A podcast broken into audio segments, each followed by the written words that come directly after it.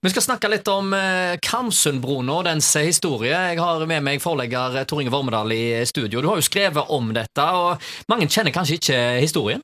Når det gjelder Karmsund så eh, der òg snakker de om at det er redusert kapasitet, og der òg snakker de om å få en ny bro. da, så men eh, den eh, historien der går jo tilbake helt til altså Den ble innvia i oktober eh, 55.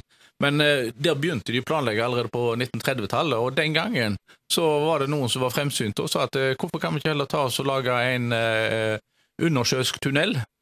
Eh, Så det ble faktisk utreda så tidlig på 30-tallet. Da hadde vi vært tidlig ute hvis vi hadde fått en undersjøisk Ja, for det er jo blitt en svære greie i Norge. Altså, eh, det har vi sett Ja. flere steder, og nå med Rogfast og dette, Ja. så er det klart at det viser seg at dette kan vi. Det, ja, det, om vi, vi kunne vel ikke kanskje den gangen, eller måtte ha lært oss det, men eh, i alle fall Vi hadde sikkert fått det til, da. Ja, det, det hadde vi, men vi, vi tenkte i alle fall eh, tanken, og det er jo litt artig at en gjorde det. Men grunnen til òg det Kamsundbru tok jo veldig lang tid før det ble en realitet. Eh, det var òg denne her diskusjonen om hvor seilingshøyden Eh, tidligere så gikk jo da Amerikabåten den gikk gjennom Kamsundet. Var det den som var det- målet? den, ja, de, de protesterte heftig eh, hele tida, fordi de ville ha en sånn sinnssykt høy seiling, seilingshøyde.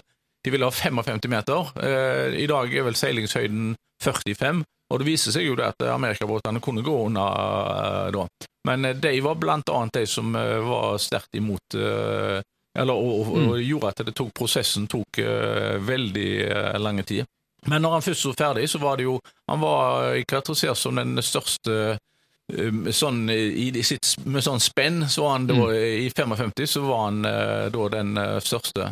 Litt artig, når den ble bygd eh, da, så var det Da pågikk det Da hadde vi da en sånn eh, amerikansk eh, eh, krigsflyger som drev også øve, øvelses... Fløy de under da? Da var det en som faktisk eh, fløy under mens broa var under eh, Bygging. bygging. Og eh, faktisk så holdt det jo på å skje en skade, fordi det, folk, det var folk på stillaser og sånt der da. Og de holdt på å dette på sjøen.